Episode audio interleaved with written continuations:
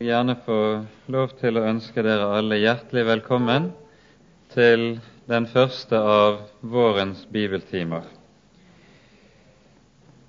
Ehm, denne våren skal vi begynne med, eller begynne der vi slapp før jul, med at vi eh, tar for oss Ruths bok i dag.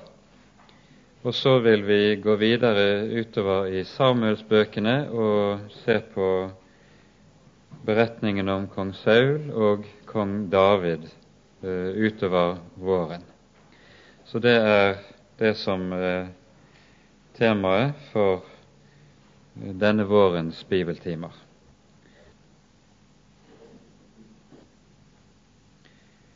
Skal vi da, før vi begynner med å lese, Eh, folde hendene og be sammen.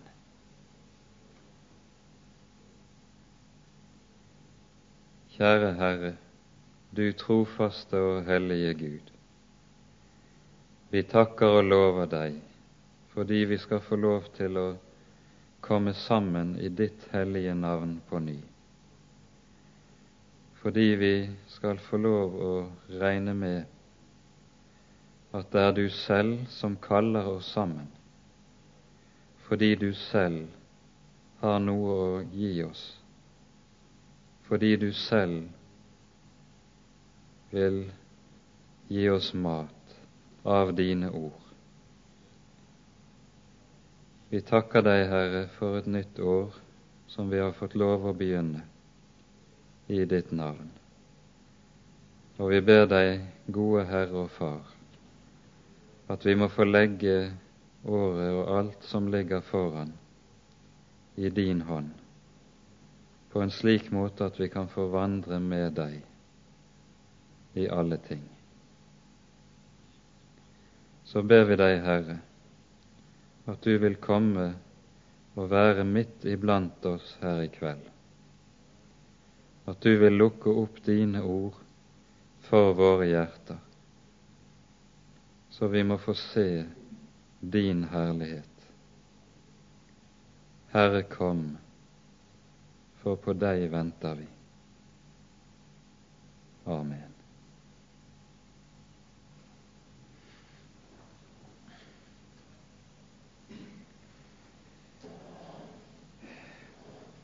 Vi skal altså i dag ta for oss den lille boken Ruths bok, som står mellom Dommernes bok og Samuels bøkene.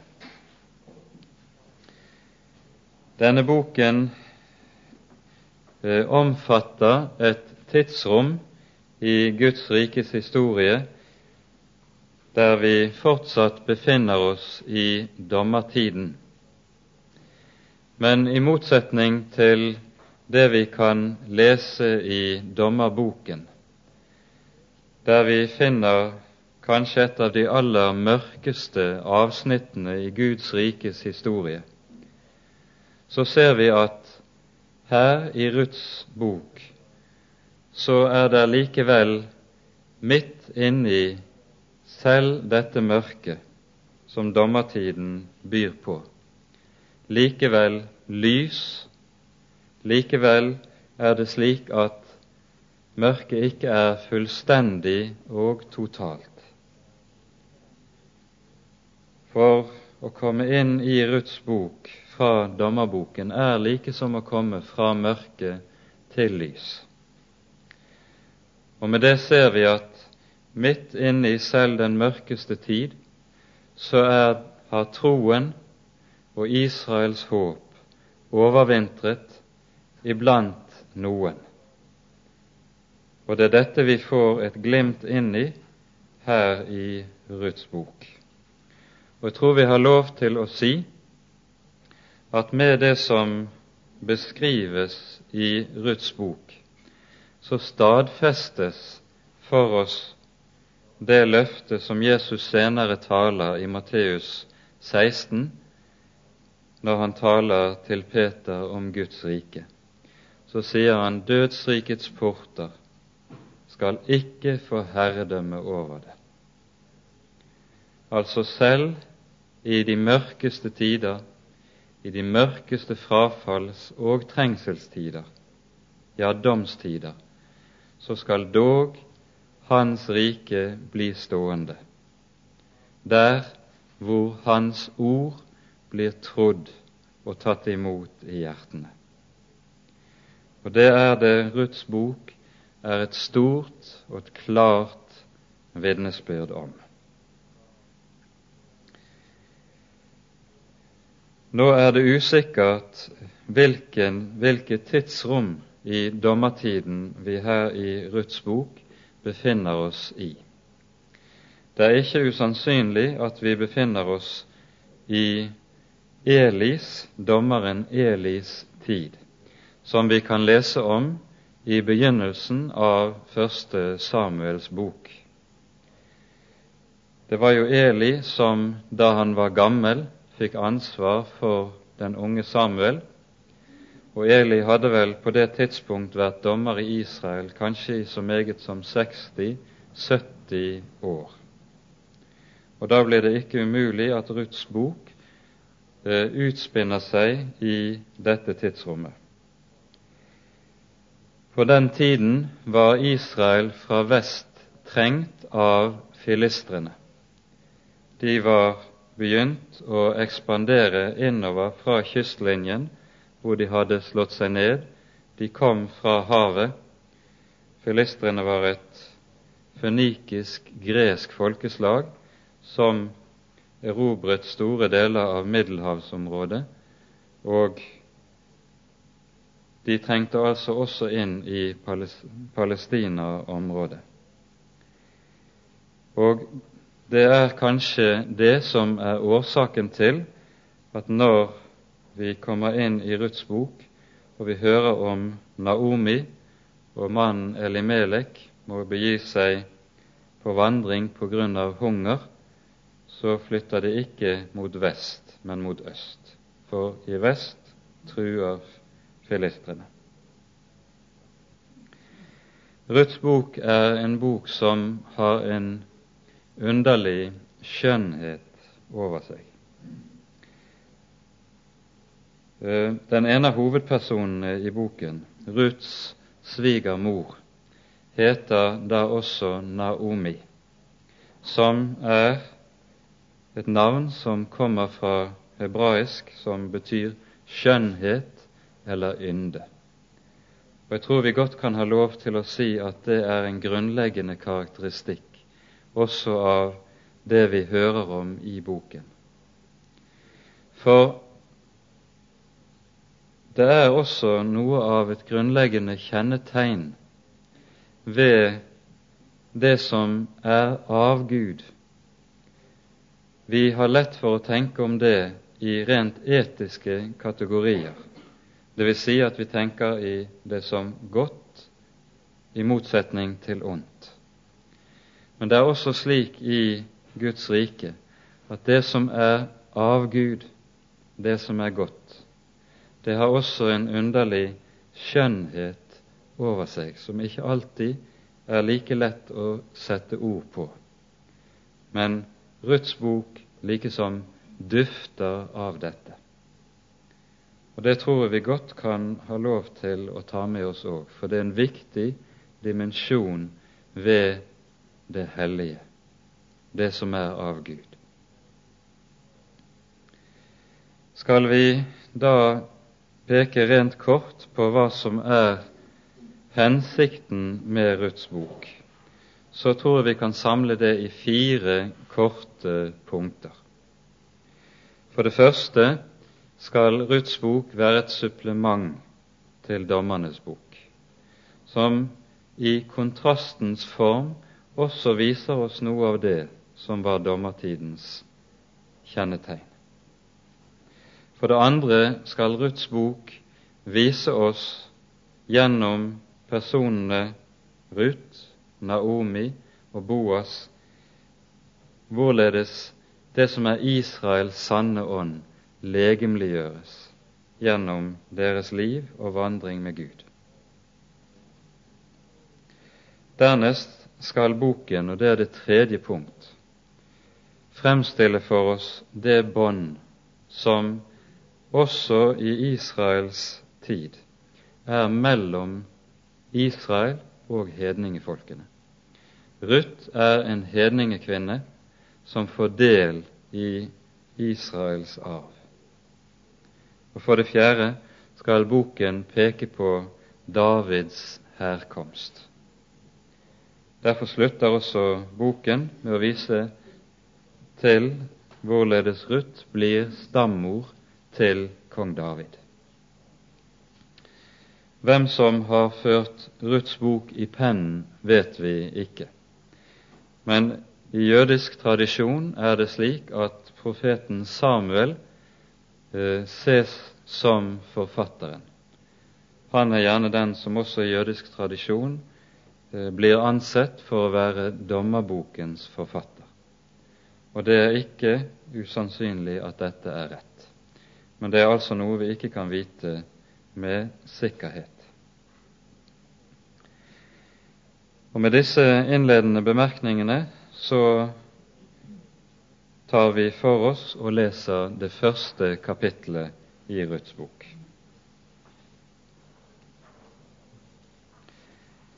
I de dager da dommerne styrte, ble det en gang hungersnød i landet. Da dro en mann med sin hustru og sine to sønner av sted fra Betlehem i Juda for å oppholde seg noen tid i Moabs land. Mannen het Elimelek, og hans hustru Noomi og hans to søstre Malon og Kiljon, de var efratitter fra Betlehem i Juda. De kom nå til Moabs land og ble der. Så døde Elimelek, Noomis mann, og hun ble tilbake med sine to sønner. De tok seg moabittiske hustruer. Den ene het Orpa, og den andre Ruth. Og de bodde der omkring en ti års tid.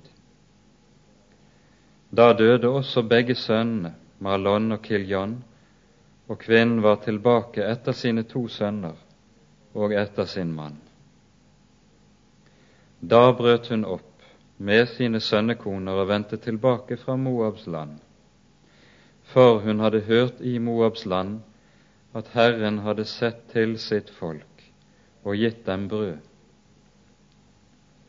Hun dro bort fra det sted hvor hun hadde vært, og begge hennes sønnekoner var med henne. Mens de nå gikk frem etter veien for å vende tilbake til Judaland, sa Noomi til sine to sønnekoner, Vend om og gå hjem igjen hver til sin mors hus. Herren vise godhet mot dere, slik dere har gjort mot de døde og mot meg. Herren gi dere at dere må finne et hjem, hver i sin manns hus. Og hun kysset dem, men de brast i gråt og sa til henne, Nei, vi vil følge deg tilbake til ditt folk. Da sa Noomi, Venn om mine døtre, hvorfor vil dere gå med meg? Har jeg da ennå sønner i mitt liv som kunne bli deres menn? Venn om mine døtre og gå hjem, for jeg er for gammel til å bli en manns hustru. Om jeg så tenkte, jeg har ennå håp, ja, om jeg så ennå i natt fikk en mann og fødte sønner, skulle dere derfor vente til de ble store? Skulle dere derfor stenge dere inn og ikke få dere menn? Nei, mine døtre, for det er meget bitrere for meg enn for dere, ettersom Herrens hånd har rammet meg så hårdt. Da brast de atter i gråt, og Orpa kysset sin svigermor og sa henne farvel. Men Ruth ville ikke skilles fra henne. Da sa hun, Du ser din svigerinne er vendt tilbake til sitt folk og til sin Gud. Vend nå du òg tilbake og følg din svigerinne. Men Ruth sa, Søk ikke å overtale meg til å forlate deg og vende tilbake. for dit du går, vil jeg gå. Hvor du blir, vil jeg bli. Ditt folk er mitt folk, og din Gud er min Gud. Hvor du dør, vil jeg dø, og der vil jeg begraves. Herren la det gå meg ille, både nu og siden, om noe annet enn døden skal skille meg fra deg. Da Naomi så at hun var fast i sitt forsett om å gå med henne, holdt hun opp med å tale til henne om det.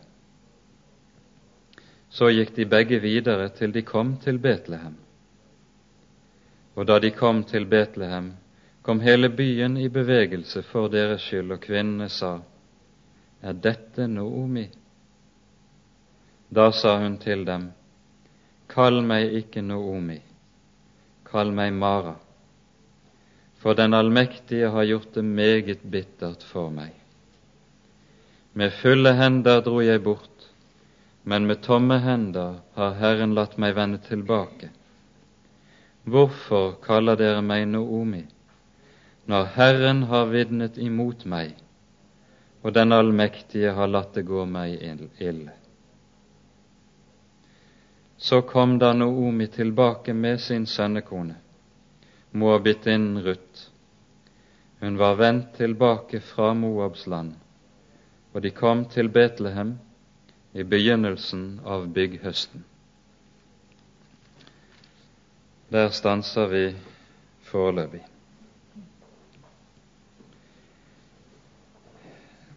Her hører vi i bokens begynnelse om hvorledes Israel, som så mange ganger i dommertiden, kommer i nød.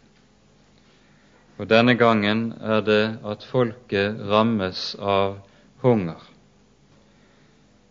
Og det er tydelig at denne nød må være så hård at den har vært uutholdelig for mange i folket, som har gitt seg på vandring på flukt for å finne mat andre steder.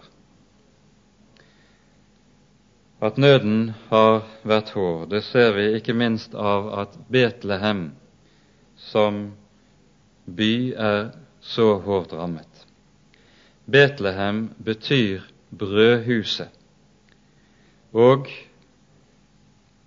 hadde fått det navnet fordi einen omkring var så fruktbar at byen og einen kunne regnes som noe av et kornkammer for større deler av områdene i Juda og i Israel.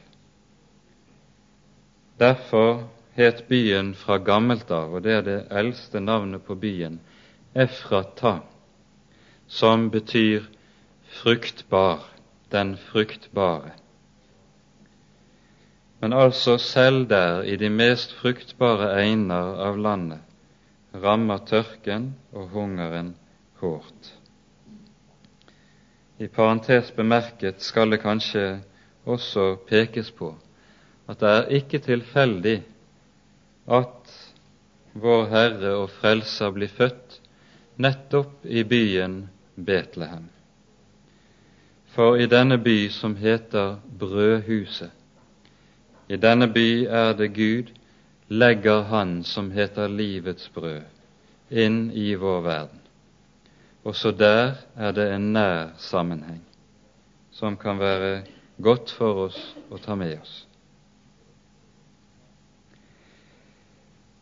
At denne slekt som her begir seg på vandring, var en gammel slekt i Betlehem, forstår vi at av at de kalles efratitter.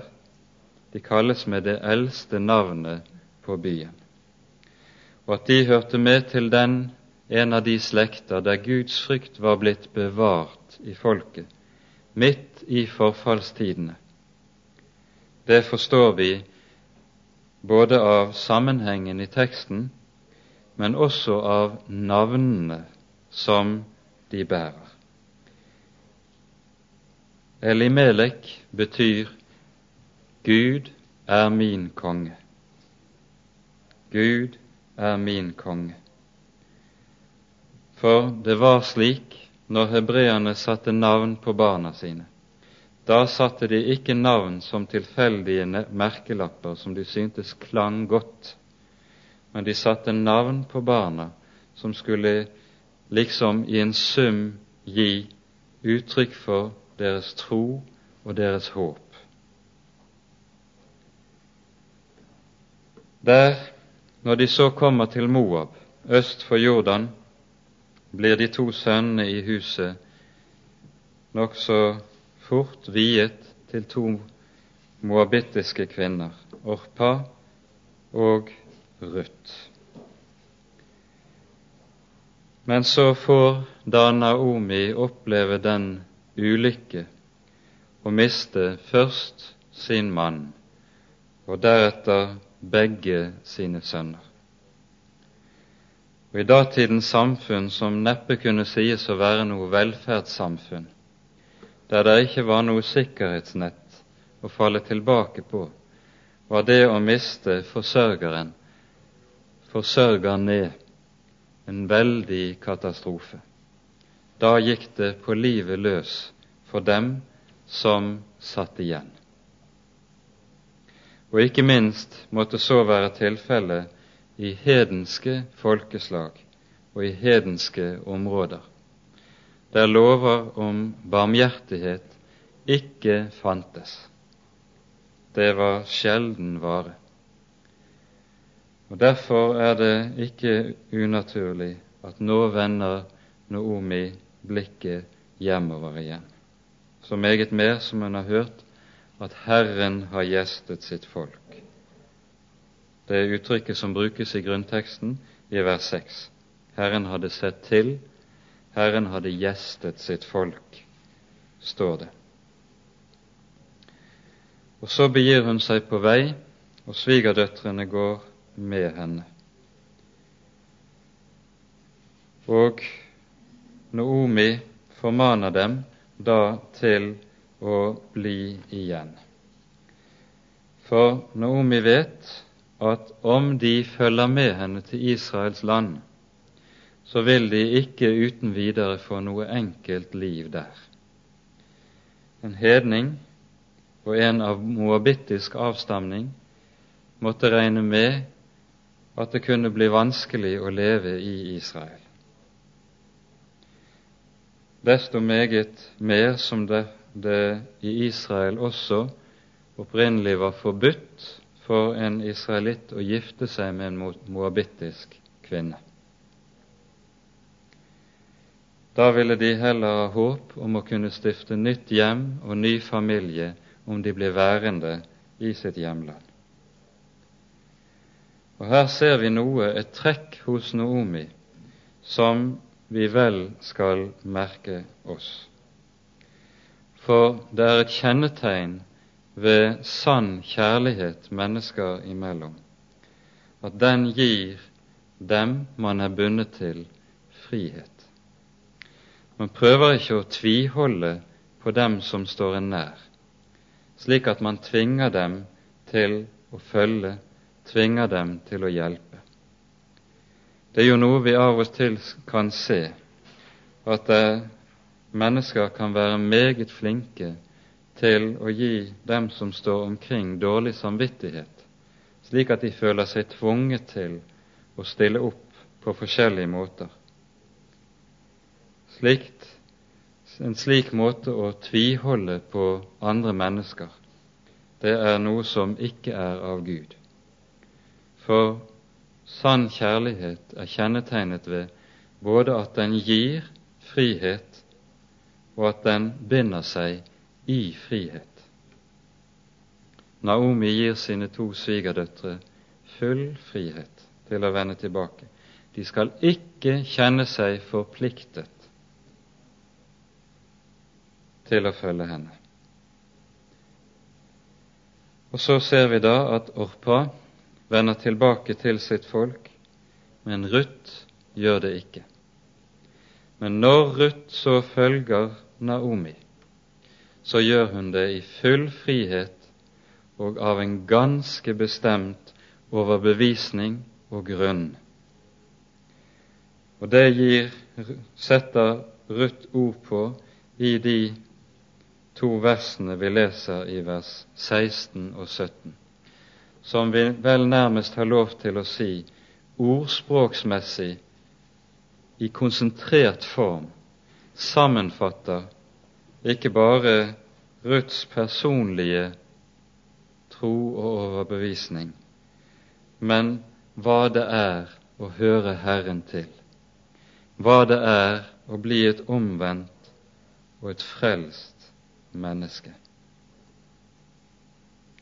Med disse ordene som Ruth her taler, gir hun også klart til kjenne at hun vet både hva hun forlater når hun vender sitt eget folk ryggen, og hva hun går i møte når hun følger Naomi tilbake til Betlehem. Hun forlater håp, hun forlater mulighetene til å nå tilbake til velstand og bli komme tilbake til sitt hjem og til sine trygge trakter. Og så gir hun seg ut i en fremtid som både er uviss og til fattigdom. For det vet hun at hun det er det hun vil møte ved å følge Naomi. Og likevel, hun følger Naomi i klar bevissthet om omkostningene ved det. Og årsaken ligger i det Ruth sier i vers 16 og 17. Søk ikke å overtale meg til å forlate deg og vende tilbake, for dit du går, vil jeg gå, hvor du blir, vil jeg bli. Ditt folk er mitt folk, og din Gud er min Gud. Hvor du dør, vil jeg dø, og der vil jeg begraves. Herren la det gå meg ille, både nu og siden, om noe annet enn døden skal skille meg fra deg.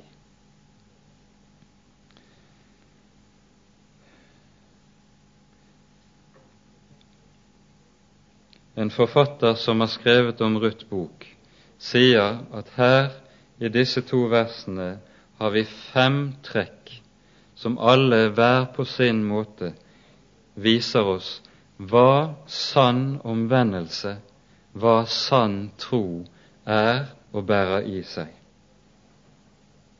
For det første sier Ruth med ordene Din Gud er min Gud, noe om sitt eget forhold til Herren.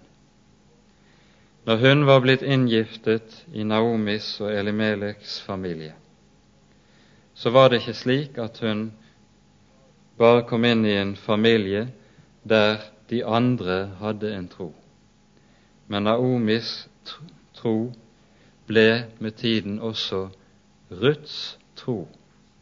Det ble hennes egen eiendom det ble hjerteslaget i hennes eget liv, så hun ikke bare kunne tale om Gud, om én Gud, men kunne si om Han Han er min Gud. Altså det personlige samfunn og fellesskap med Herren er det som ligger bak når man taler slik. Gud er min Gud og et menneske hører ikke Herren til om det ikke kan si det. Men der det kommer til å bli virkelighet i et menneske, så blir det også slik at man blir av hjertet knyttet til de andre som har samme tro og overbevisning. Ditt folk er mitt folk, sier Ruth. Det å komme til tro på Herren, det innebærer altså samtidig å bli en del av et nytt folk, Guds folk, og binde sammen med dette folk, slik at der har jeg mitt egentlige fellesskap.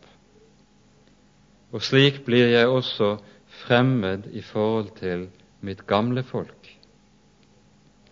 Dette er noe som vi leser meget om i Det nye testamentet, og som vi gjør vel i å legge merke til. Det som vi veldig ofte kan se i dag, at mennesker gjerne vil kalle seg kristne, men er det alene, uten å søke samfunn med andre av Guds folk, det er noe grunnleggende galt.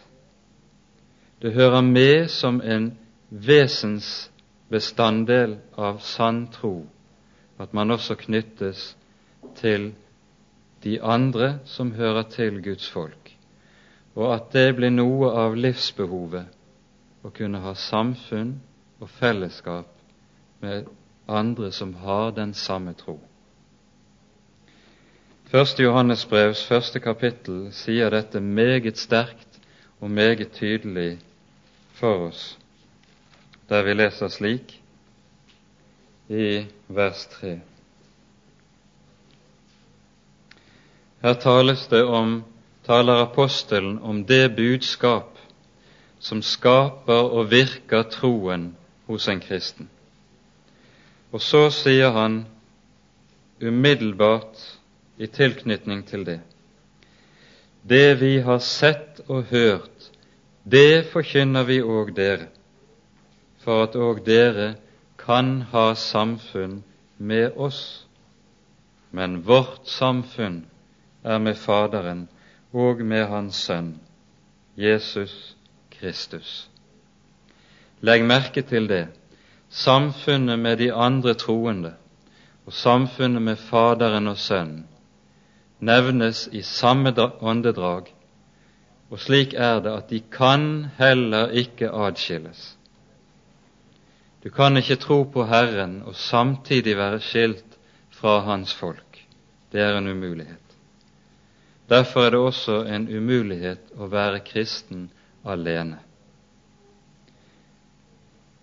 Det samme går igjen i vers 7 her i det første kapittelet i første Johannes brev, der det står slik:" dersom vi vandrer i lyset, like som Han er i lyset, da har vi samfunn med hverandre.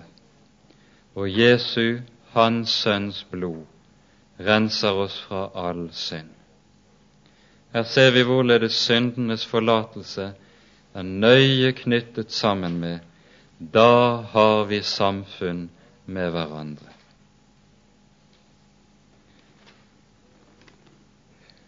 Det er altså det andre og grunnleggende kjennetrekket ved en sann tro. Det tredje som vi må peke på, er det Ruth sier i den foregående setningen. Dit du går, vil jeg gå. Der du blir, vil jeg bli. Her går hun et skritt videre enn det hun har gjort i det foregående vers. For her sier, eller Unnskyld, ikke i det foregående vers, men i setningen der hun sier at 'ditt folk er mitt folk'. For hun sier med dette at den skjebne som blir deg, Nomi, til del, den vil jeg også ha som min del.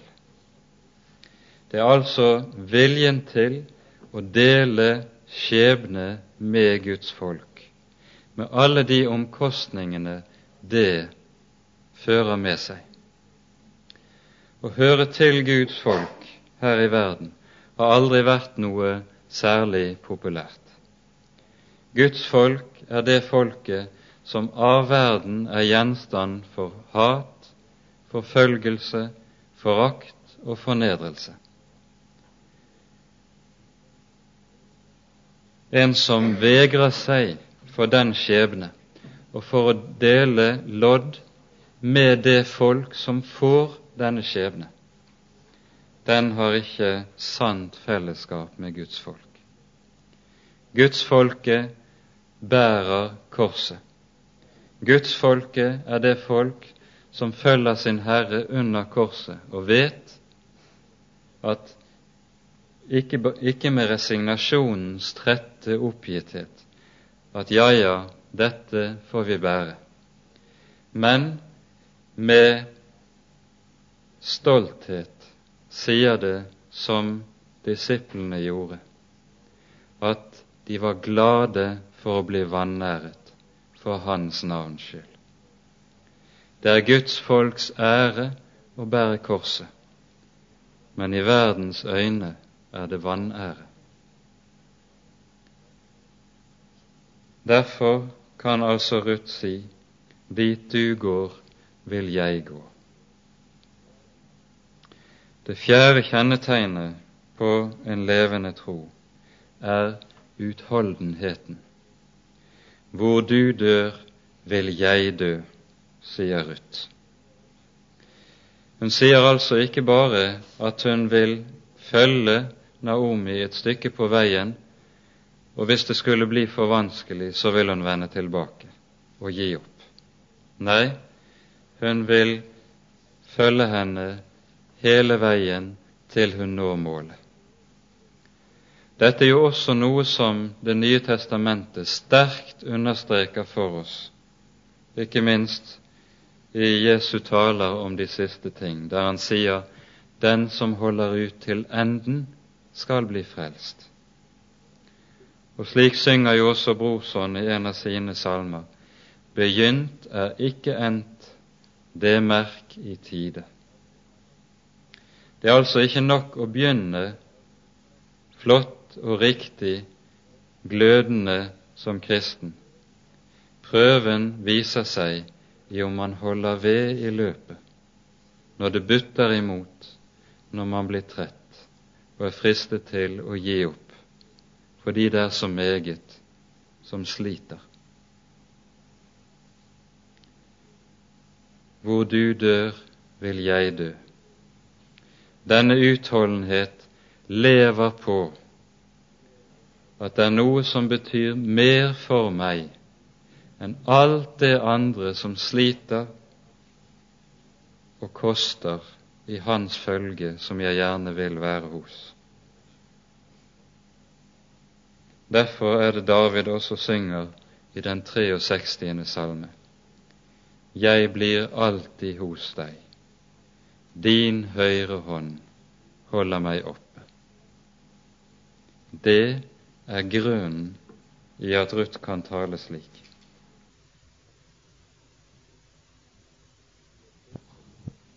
Til sist peker vi på at Ruth er meget klar over at å ha med Herren å gjøre, det er å ha med Israels hellige å gjøre. Og Derfor er det å ha med Herren å gjøre ingen spøk, ikke noe man tar lettvint på, det følger et stort alvor med det. Derfor sier Ruth som hun gjør til slutt. Herren la det gå meg ille, både nu og siden om noe annet enn døden skal skille meg fra deg. Ruth er altså meget klar over at det er et stort alvor i det å få med Israels Gud å gjøre. Herren la det gå meg ille. Og det er dette som i Skriften kalles for Guds frykt, et ord som dessverre brukes lite i dag. Og det tror jeg er meget symptomatisk for den åndelige situasjonen landet vårt er kommet inn i. Man frykter ikke lenger Gud. Man omgås Han mer som en snill bestefar som det ikke er så farlig med. Men da er det en annen Gud man har fått, enn Han som er og heter Israels hellige, for hvem selv englene skjuler sine ansikt og bøyer sine knær i ærefrykt og i beven. Disse fem grunnleggende kjennetrekk hører altså med til en sann og levende tro. Og vi ser at når Ruth taler som hun gjør, så er det ikke så rent lite av åndelig erkjennelse hun legger for dagen gjennom dette. Vi forstår av dette at Naomi må ha vært en dyktig lærer for Ruth i å undervise henne i Israels tro og vise henne Israels Gud. Og slik blir det at de to vandrer videre sammen til Betlehem.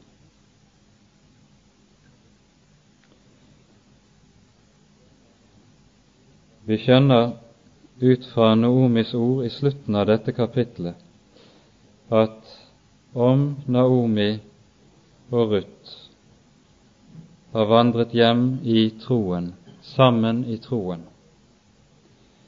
så er det likevel slik at det har vært meget bittert, særlig for Naomi. Og Derfor kaller hun seg selv med et nytt navn når hun møtes av Betlehems innbyggere. De vekker stor oppstand og oppmerksomhet første gangen de kommer.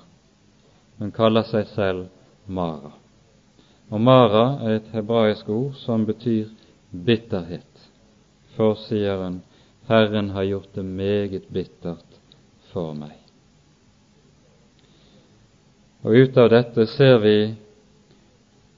hvorledes Skriften lærer oss og viser oss at det å høre Herren til, det er ingen garanti for å bli spart for nød, motgang og hård trengsel. Naomi måtte oppleve det. Og Derfor må vi også understreke at dette som vi så ofte kan høre, at medgang skal være et særlig uttrykk for Guds velsignelse, det er noe som ikke er bibelsk. Herren er like meget hos sine om han lar dem smake bitter motgang, slik Naomi måtte erfare det. Han, det å erfare slikt, er aldeles ikke noe tegn på at Herren har forlatt sine små.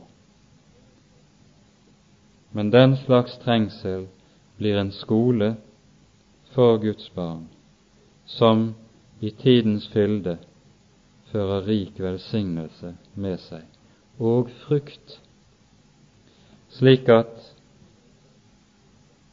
i ettertid så vil Naomi kunne bli en efratitt i dobbelt forstand, for der blir Åndens frukt som kommer ut av dette, og ikke bare den rent den frukt som kommer av markens grøde. Når vi nå går videre i Ruths bok, så hører vi da at de kom til landet midt i bygghøsten. De var vendt tilbake uten midler, ingenting hadde de å rutte med. Og så sender eller drar Ruth ut på markene for å sanke. Vi leser i vers 2 i det annet kapittel. En dag sa Ruth, moabittinnen til Naomi, Kjære, La meg få gå ut på åkeren og sanke aks etter, efter en for hvis øyne jeg finner nåde. Og Naomi svarte, Gå du, min datter. Det som er bakgrunnen for det Ruth her sier, er at i Mosebøkene er det gitt en ganske bestemt lov om hvorledes høsten skal hentes inn i Israel.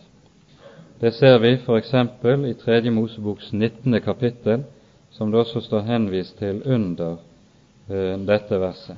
Og Vi tror vi skal lese de to versene. I Tredje Mosebok 19, 9 og 10 står det slik:" Når dere høster grøden i deres land, skal du ikke skjære kornet helt ut til den ytterste kant av din åker, og de aks som blir liggende etter innhøstningen, skal du ikke sanke opp, og du skal ikke holde etterhøst i din vingård, og ikke sanke opp de nedfalne bær i din vingård. Du skal la dem ligge til den fattige og den fremmede. Jeg er Herren, deres Gud. Her ser vi altså at Gud i loven gir en ganske bestemt forordning der han vil tilgodese de i landet som ikke hadde nok å leve av. Det er altså slik at de fattige og de fremmede Og de fremmede var i en utsatt stilling i Israel for de hadde ikke rett til å eie fast land eller jord. Det var Israels arv og eiendom, det. Derfor var de også spesielt avhengig av at Herren så til dem.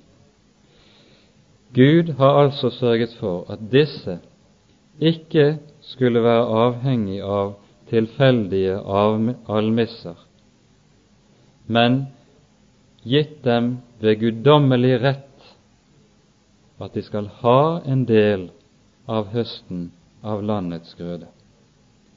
Så skal grøden altså, en del av grøden, stå igjen på marken for den fattige, for den fremmede. Og det er denne, det er dette Ruth, dette Guds ord, Ruth så går ut på for å begynne å høste.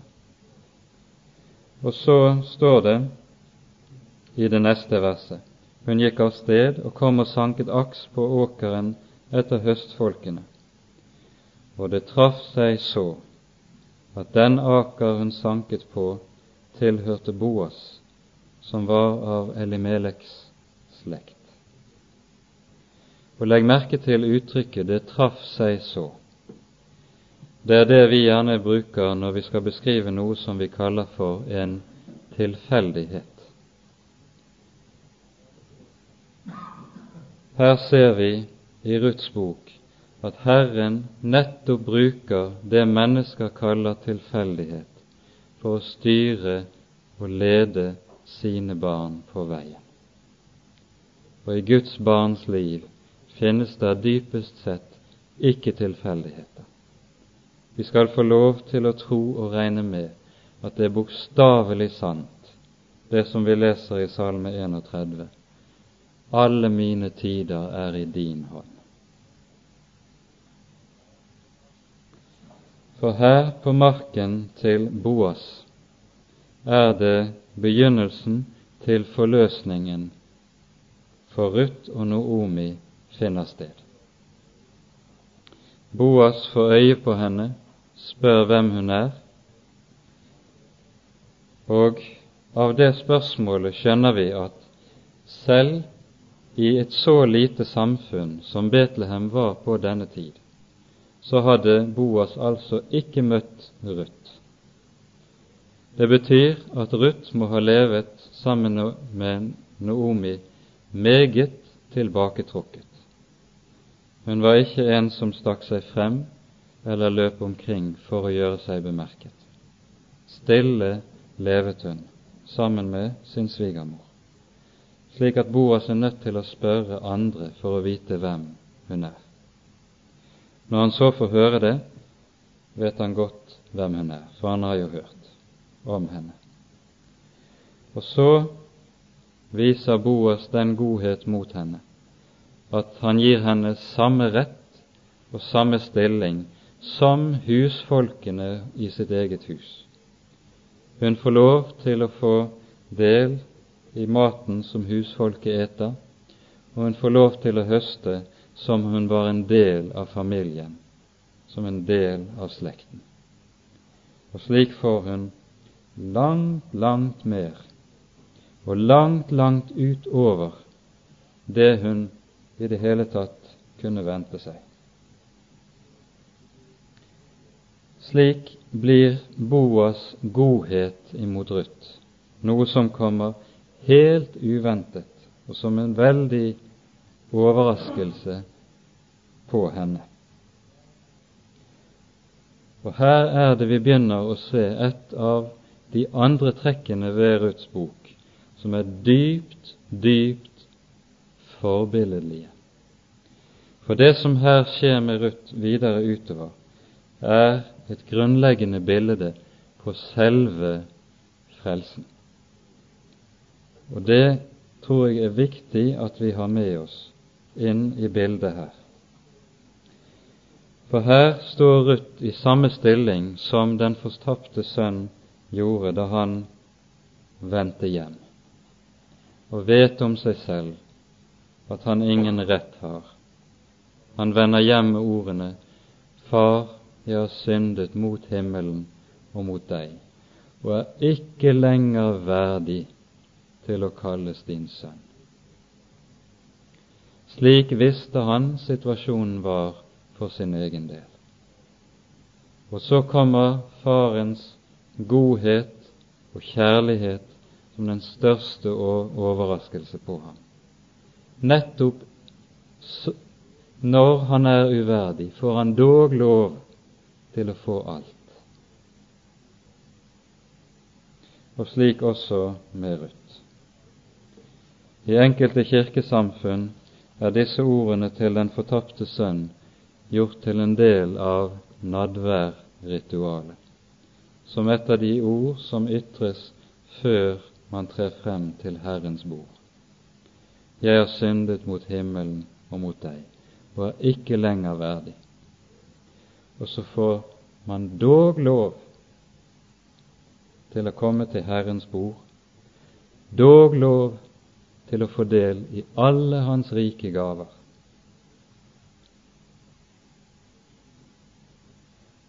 Det ligger dyp sannhet gjemt i dette. Vi skal ikke stanse så meget mer ved det som står i kapittel to, men gå direkte inn i det tredje kapittel og lese et stykke derfra.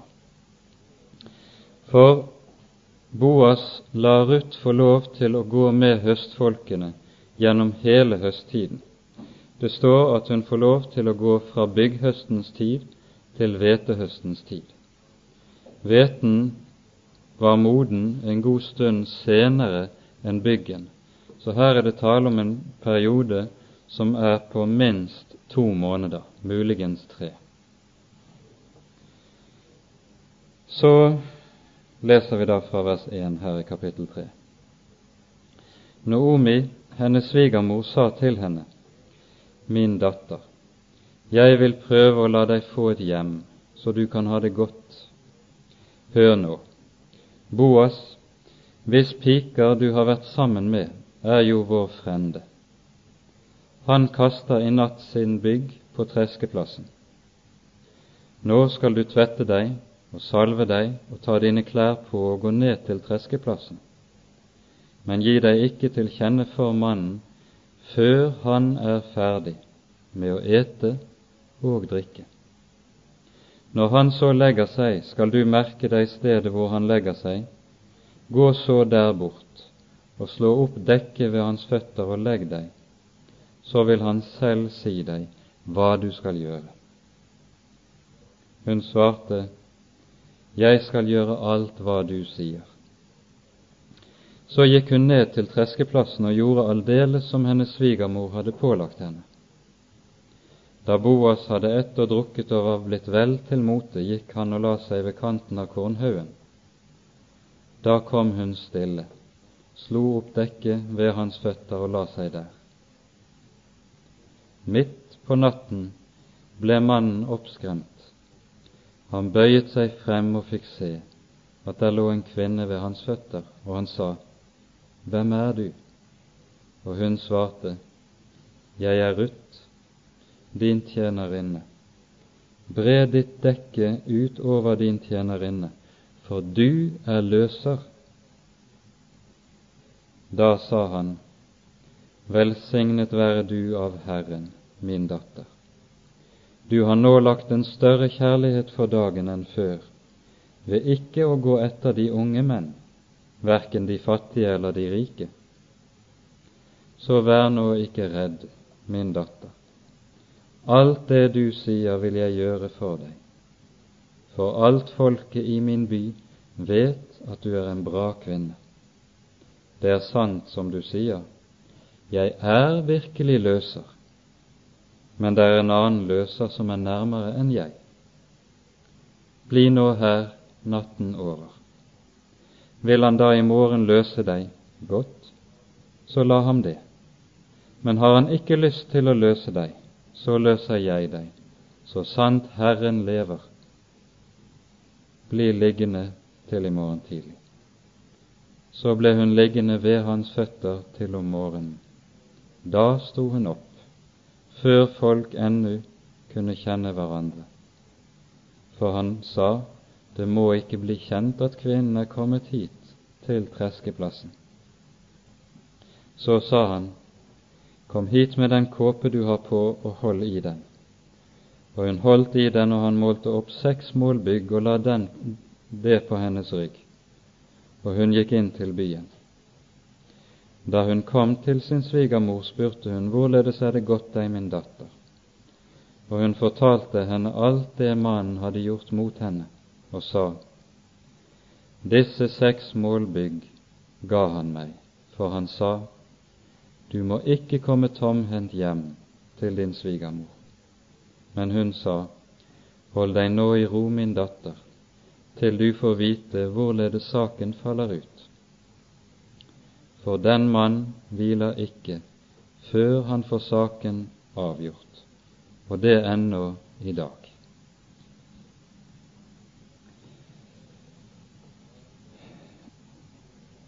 Her ser vi hvordan Ruth og hennes svigermor blir forløst. For at vi skal forstå det det er tale om i dette avsnittet, trenger vi igjen å gå tilbake til lovgivningen i Mosebøkene, som har gitt ganske bestemte forskrifter for Israel når det gjaldt disse ting.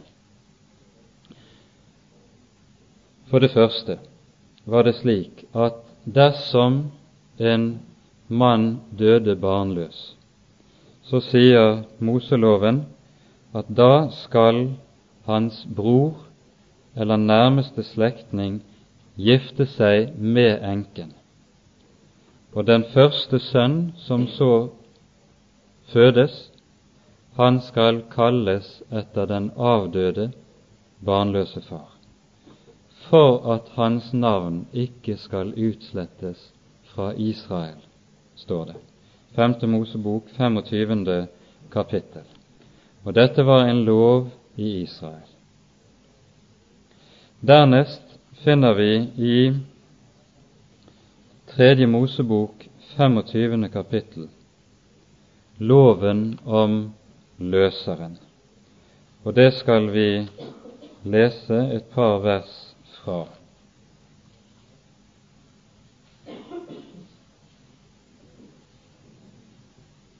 Vi leser fra vers 24.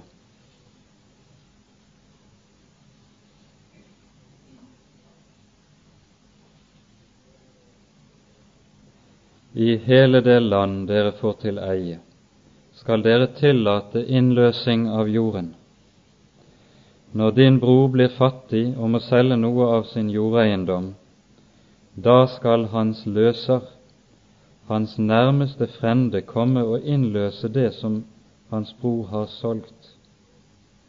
Og om en ikke har noen løser, men selv får råd til det og kommer til å eie det som skal til for å innløse det, da skal han regne efter.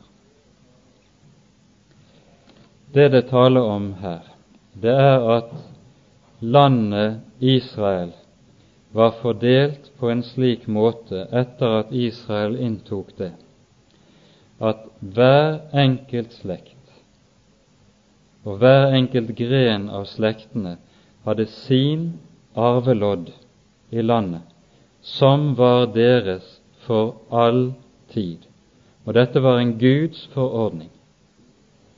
Det innebar at en jordeiendom som tilhørte en slekt, ikke kunne gå ut av slekten. Dersom det skulle skje at noen ble så fattig at de for i det hele tatt å kunne livnære seg solgte eiendommen, så skulle eiendommen ikke være tapt, men den skulle tilbakeføres til den rette eier av den person som var løser. Og det er det vi kaller løserinstitusjonen i Israel.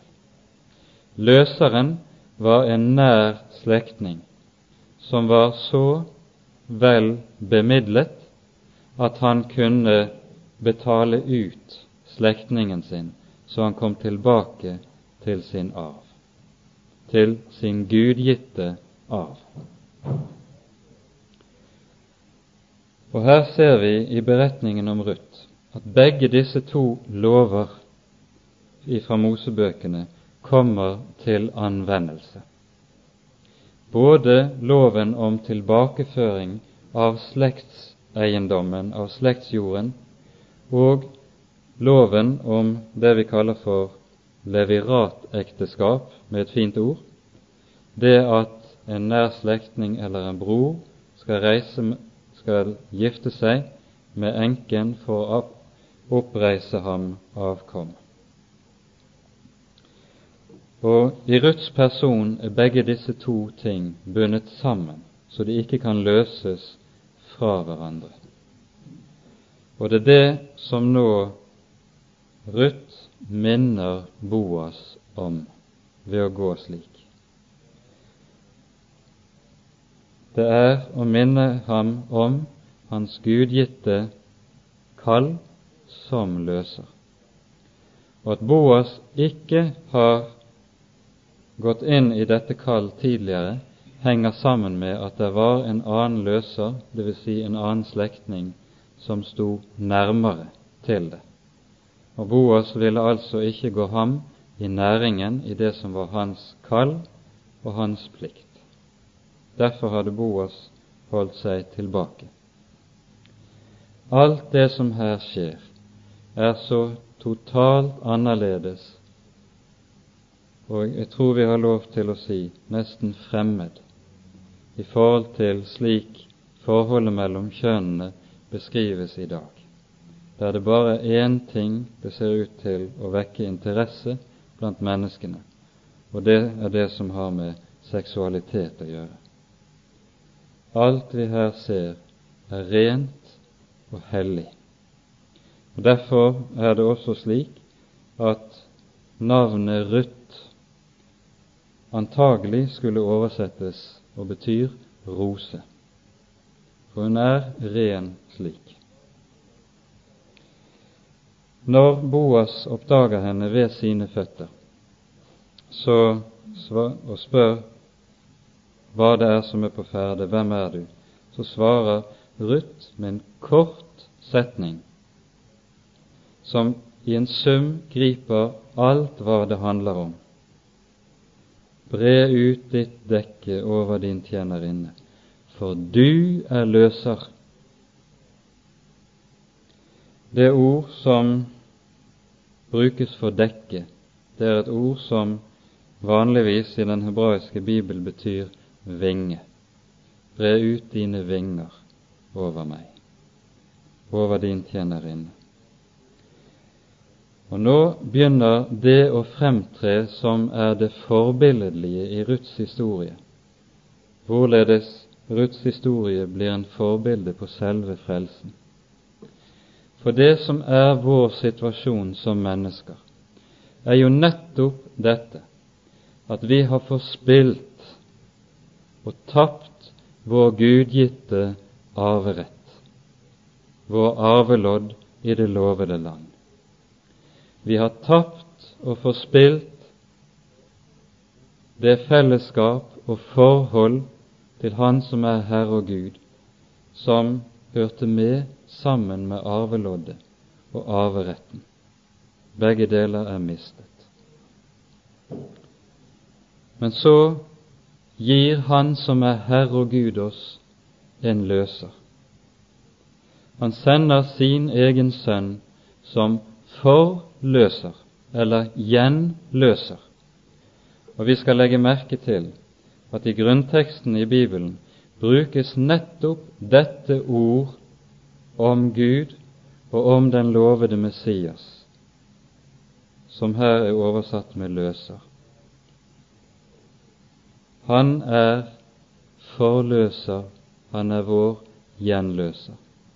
Når Jesus kommer og trer inn i verden, så fødes han inn i vår slekt for å bli vår neste, vår nærmeste slektning, som dermed også har plikt på seg til å kjøpe tilbake til oss vår arv som vi har mistet, som tar på seg forpliktelsen med å bære alle omkostninger ved at vi skal få komme tilbake til det vi har forspilt. Han er forløser. Han blir vår nærmeste. Og Derfor står det også om ham at han skammet seg ikke ved å kalle oss brødre. Slik kom Jesus som den som villig ville løse oss ut til vår arv. Men ikke bare det, langt mer og langt utover. For like som Ruth ikke var fornøyd med bare å eie gavene til Boas, nemlig å få høste et og annet strå, et og annet aks, men søkte giveren. Slik er det også med den Herre Jesus når Han kommer. Han kommer ikke bare for å skjenke oss gaven, men kom, han kommer selv for å gi seg til oss. I den pakt, den hellige pakt, det heter, som gjør at frelsen sammenlignes med bryllupet. Guds menighet her i verden kalles lammets brud, og Jesus kalles selv for brudgommen som tar til seg den som kom som en fremmed, som ikke hørte hjemme i landet, og som ingen rett hadde i landet. For i Moselov sto det en av moabittenes folk kan ikke bli en del av Guds folk. De var utelukket. Utelukket fra helligdommen, utelukket fra det hellige folket utelukket fra arveretten. Men nettopp den som slik er utelukket, er det som her lukkes inn i det nærmeste fellesskapet som det kan være mellom to mennesker, i det hellige ekteskapet, i den hellige pakten. Og slik blir Boas Ruths løser også i denne mening av ordet. Dette beskrives for oss i Efeserbrevet i det femte kapittelet. For dette er en billedbruk som går igjen gjennom hele Den hellige Skrift. Vi bare leser et par vers fra slutten av Efeserne 5.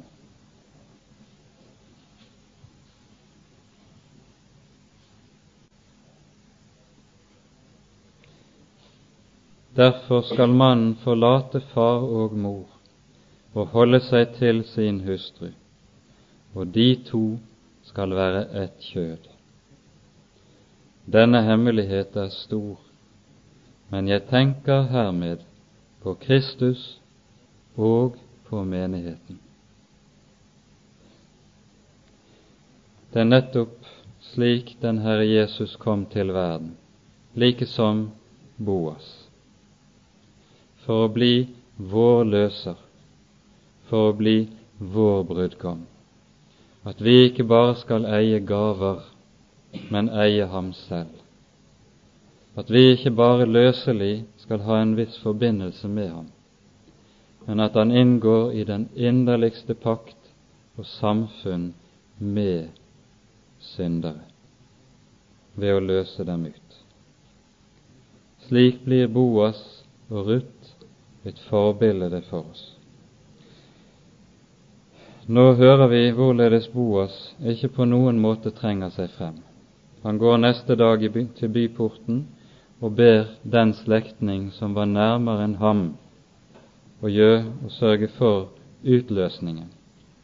Det vil han ikke, da han skjønner at det innebærer at han må gifte seg med Ruth. Og dermed så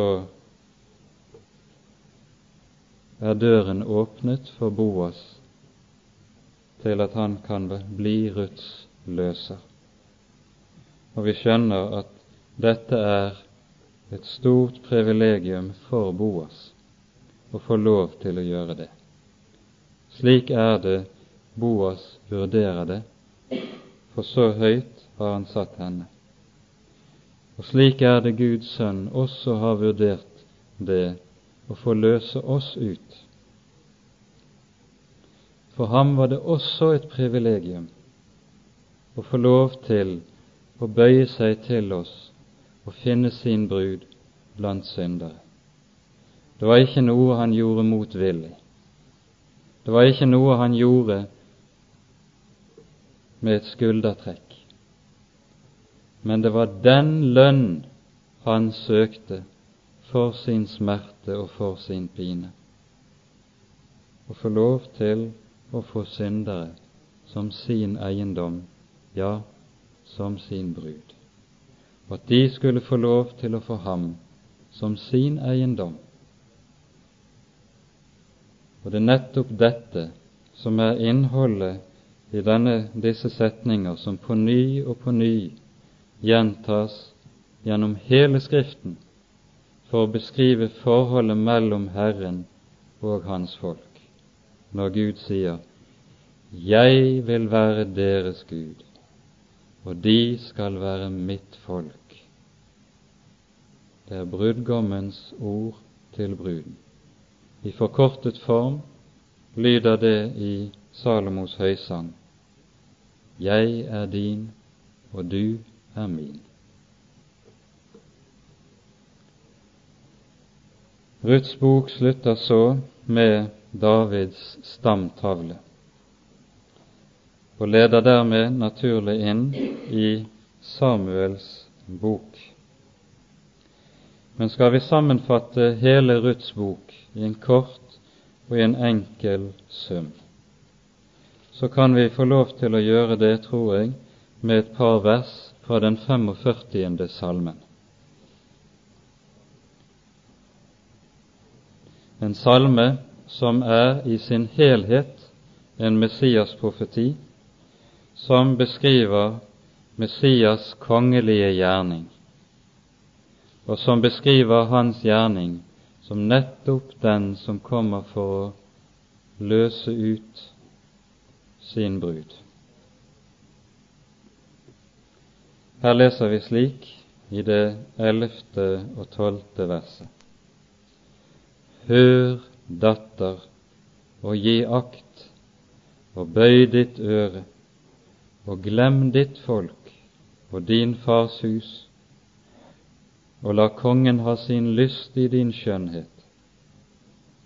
For han er din Herre, og du skal falle ned for ham. Var det ikke just det Ruth gjorde? Hun hørte ordet om Herren, ga akt på det, og så forlot hun alt hva hun hadde, fordi hun hadde funnet en rikdom som var så langt, langt større. Og la kongen ha sin lyst i din skjønnhet. For han er din Herre, og du skal falle ned for ham. Slik anskueliggjøres frelsen for oss og det inderlige forhold som er mellom Guds sønn og hans folk. Og slik er det at Ruths bok leder inn i Salme 45 Og så leder Salme 45, ganske særlig disse to versene vi her har lest, inn i Salomos høysang, som er å anse som en eneste sammenhengende utlegging av disse to vers i Den hellige Skrift.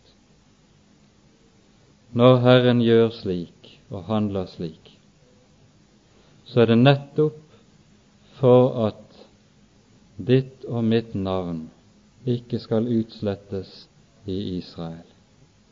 Ditt og mitt navn skal bli stående i livets bok til evig tid, slik at vi også kan få lov til å si, slik det står hos profeten Jesaja i det 44. kapittel, på vår side.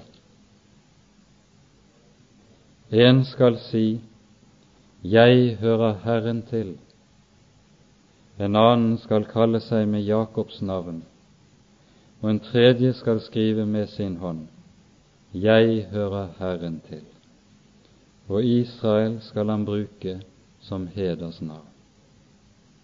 For like som Guds sønn har kommet og sagt, Jeg hører syndere til, skal syndere få lov til å si, Jeg hører Herren til. Da skal vi synge sammen til slutt